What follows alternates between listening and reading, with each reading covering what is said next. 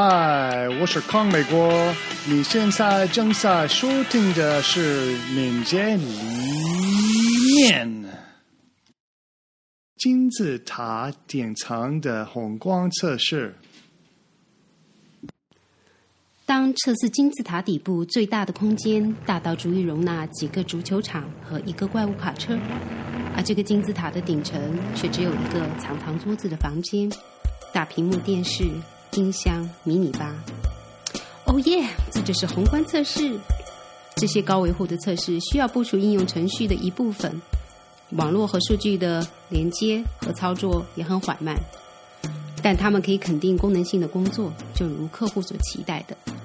所有的企业都熟悉如何手动执行用人操作用户界面，或通过 API 测试工具如 SoapUI 和 SQL 控制台的测试。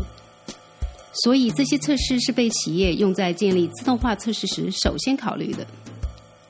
但这些测试具有最高的执行和维护成本，由于花费数小时或数天的时间报告成功还是失败而有着最低的价值。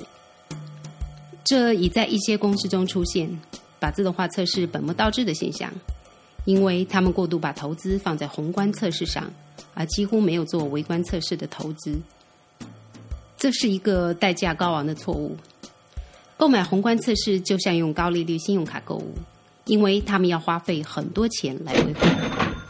为了避免破产，只建立在那些无法用微观测试检查的情况下。是经济学给了我们一个测试金字塔，底部区域中最大的部分是单元测试，顶部最小区域是依赖于 UI。DB 和其他系统依赖的宏观测试，上下颠倒的金字塔是又昂贵又容易摔倒。构建宏观测试的一个好策略是根据用户的经历，使检验标准自动化。在未来的续集中，我们将讲解用户经历和验收测试。在此之前，在下一集中，我们将继续揭露金字塔的秘密中间层。这是一个秘密的楼层，也是最难描述的。唯一的问题是，它会充满保障还是心伤？